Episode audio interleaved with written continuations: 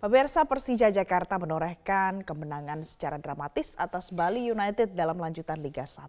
Sempat tertinggal dengan skor 1-2, dua gol yang dicetak oleh Macan Kemayoran di injury time memastikan pasukan Thomas Doll menang 3-2.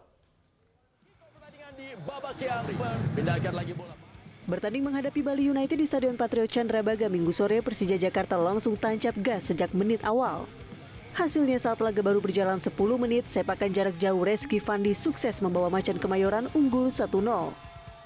Akan tetapi pada menit 27 Serdadu Tridatu mampu menyamakan kedudukan menjadi 1-1. Adalah Elijah Spasojevic yang menjebol gawang Andri Tani Ardiasa dengan sontekannya yang menyambar umpan manis privat Marga. Laga masuk di menit ke-41 tim tamu berhasil berbalik unggul. Lagi-lagi Spasojevic yang mencatatkan namanya di papan skor untuk membawa Bali United memimpin 2-1 dan bertahan hingga turun minum. Persija berusaha menekan sejak awal di babak kedua. Tim besutan Thomas Doll bermain sangat atraktif namun sulit dalam merobek gawang Bali United. Persija akhirnya bisa menyamakan skor menjadi 2-2 di injury time lewat Hansa Muyama yang mampu membobol gawang Serdadu Tridatu melalui sundulan. Drama kembali terjadi di penghujung waktu. Kali ini tandukan Ondrej Kudela memastikan Persija menang dengan skor 3-2. Berkat hasil ini Macan Kemayoran naik ke posisi 3 klasemen Liga 1 dengan 35 poin dari 18 laga, menggeser Bali United ke peringkat keempat dengan koleksi 33 poin. Akhirnya menghadapi Bali United. Iya, dalam 6 laga Pemirsa ganda putra andalan Indonesia Fajar Alfian Muhammad Rian Ardianto berhasil meraih gelar juara Malaysia Open 2023. Ini adalah titel pembuka Fajar Rian di tahun ini, sekaligus gelar pertama mereka dalam turnamen PWF World Tour Super 1000. Pasangan Fajar Alfian Muhammad Rian Ardianto semakin mengukuhkan diri sebagai ganda putra terbaik dunia. Ranking satu dunia itu berhasil menjuari ajang bulu tangkis Malaysia Open 2023 sekaligus mempersembahkan satu-satunya gelar untuk Indonesia dalam gelaran ini. Bertanding di partai final di Aksiata Arena Kuala Lumpur minggu sore, unggulan ketiga itu mendapat perlawanan sengit dari pasangan Tiongkok Liang Wekeng Wang Chang. Kejar-mengejar poin terjadi dalam permainan cepat sejak awal game pertama. Pertarungan ketat antara Fajarian dengan lawannya juga kembali tersaji di game selanjutnya. Namun pasangan berjuluk Fajri itu sukses menghalau setiap gempuran Liang Wang hingga memenangi rubber game berdurasi 67 menit itu dengan skor 21-18, 18-21, dan 21-13. Fajarian pun sukses memastikan gelar Malaysia Open perdana sekaligus turnamen kategori Super 1000 yang pertama dalam karir mereka. Rekor itu pun semakin lengkap dikarenakan titel ini menjadi gelar perdana yang mereka raih saat menyandang status ganda putra nomor satu dunia. Upaya pencarian korban kecelakaan pesawat penumpang jenis ATR di Nepal pada minggu waktu setempat dihentikan. Ya, 68 orang dipastikan tewas setelah pesawat berisikan 72 orang jatuh ke ngarai saat akan mendarat di bandara yang baru dibuka di kota Pokhara. Dan ini adalah kecelakaan pesawat paling mematikan pemirsa dilaporkan di negara Nepal dalam tiga dekade terakhir. Puluhan petugas penyelamat dan penonton berkerumun di dekat ngarai curam selama berjam-jam saat penyelamatan ataupun saat tim penyelamat menyisir runtuhan di tepi-tepi. Para pejabat menangguhkan pencarian empat orang yang hilang semalaman dan akan melanjutkan pencarian pada hari ini. Belum diketahui apa yang menyebabkan kecelakaan tersebut.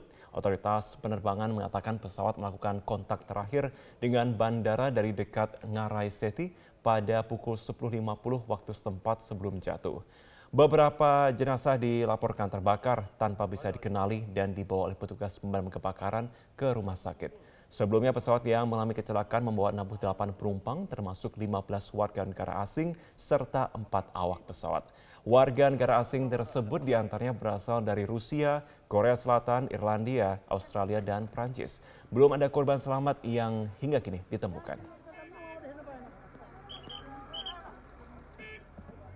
Kita ke informasi lain pemirsa kebakaran pemukiman padat penduduk terjadi di Keramat Pulau Kecamatan Senen, Jakarta Pusat. Ya, sebanyak 15 unit dan 40 personil pemadam kebakaran dikerahkan. Kebakaran terjadi sekitar pukul setengah satu dini hari tadi.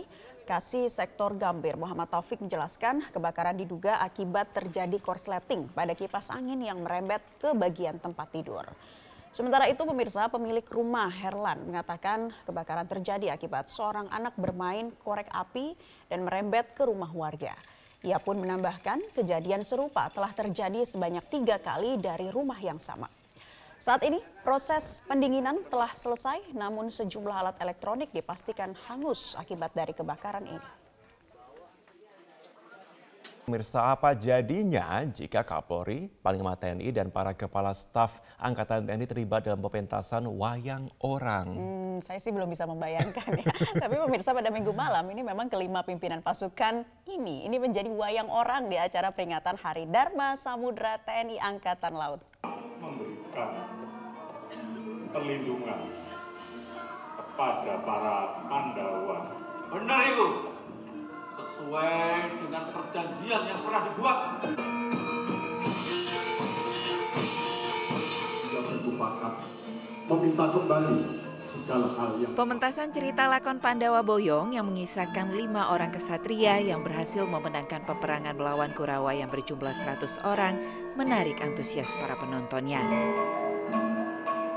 Pagelaran wayang ini diperankan langsung oleh Panglima TNI Laksamana TNI Yudo Margono, Kapolri Jenderal Polistio Sigit Prabowo, Kasal Laksamana TNI Muhammad Ali, Kasat Jenderal TNI Dudung Abdurrahman, Kasau Marsekal TNI Fajar Prasetyo, dan Ketua Umum Dharma Pertiwi Vero Yudo Margono.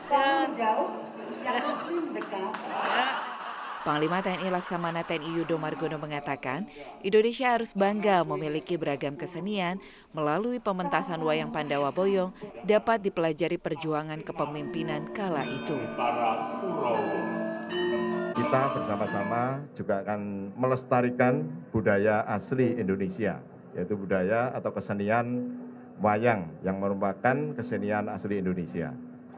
Sehingga dengan eh, pagelaran ini, harapan kita semuanya, seluruh masyarakat Indonesia dapat menonton, dapat terhibur, juga dapat ikut melestarikan budaya asli Indonesia, yaitu wayang orang.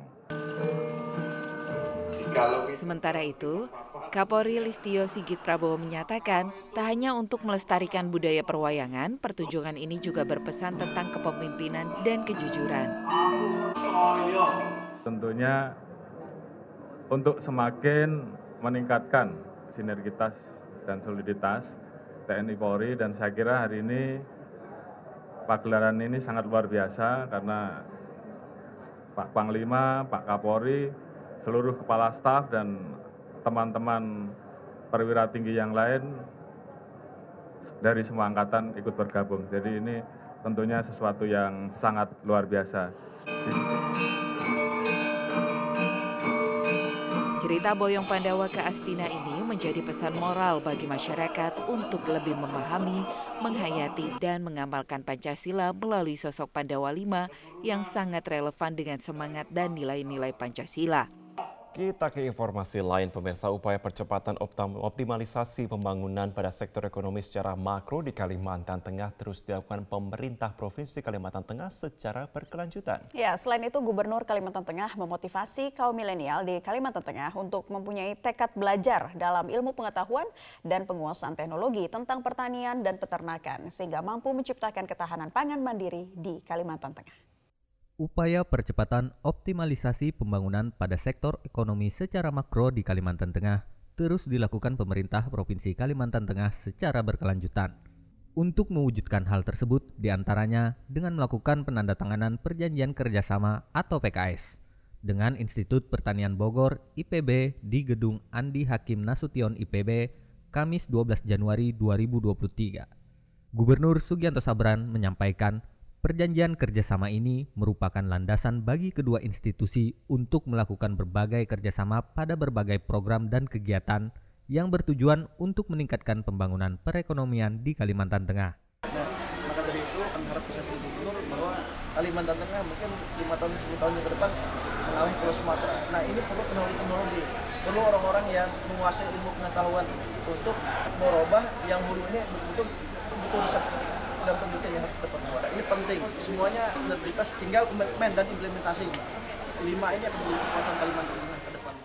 Perjanjian kerjasama yang ditandatangani yakni pengembangan dan pemanfaatan sumber daya bidang kelautan dan perikanan, perjanjian kerjasama untuk penguatan kelembagaan dan pengelolaan bisnis badan usaha milik desa, sektor kehutanan dan sektor perkebunan, serta sektor pertanian. Sugianto Sabran mengatakan, pandemi COVID-19 telah memberikan dampak perubahan pada keadaan global.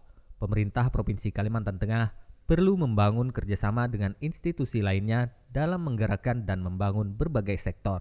Gubernur memotivasi kepada kaum milenial di Kalimantan Tengah untuk mempunyai tekad belajar dalam ilmu pengetahuan dan penguasaan teknologi tentang pertanian dan peternakan, sehingga mampu menciptakan ketahanan pangan mandiri di Kalimantan Tengah. Seusai penandatanganan PKS, Gubernur Kalimantan Tengah yang didampingi Ketua TPPKK Ivo Sugianto Sabran dan pejabat terkait menghadiri peresmian museum dan galeri IPB Future yang berlokasi di kawasan Institut Pertanian Bogor. Orang nomor satu di bumi Tambun Bungai ini berharap dengan adanya sinergitas melalui lima perjanjian kerjasama ini mampu diimplementasikan dan akan menjadi kekuatan di bumi Tambun Bungai, bumi Pancasila, tanah penuh keberkahan Kalimantan Tengah.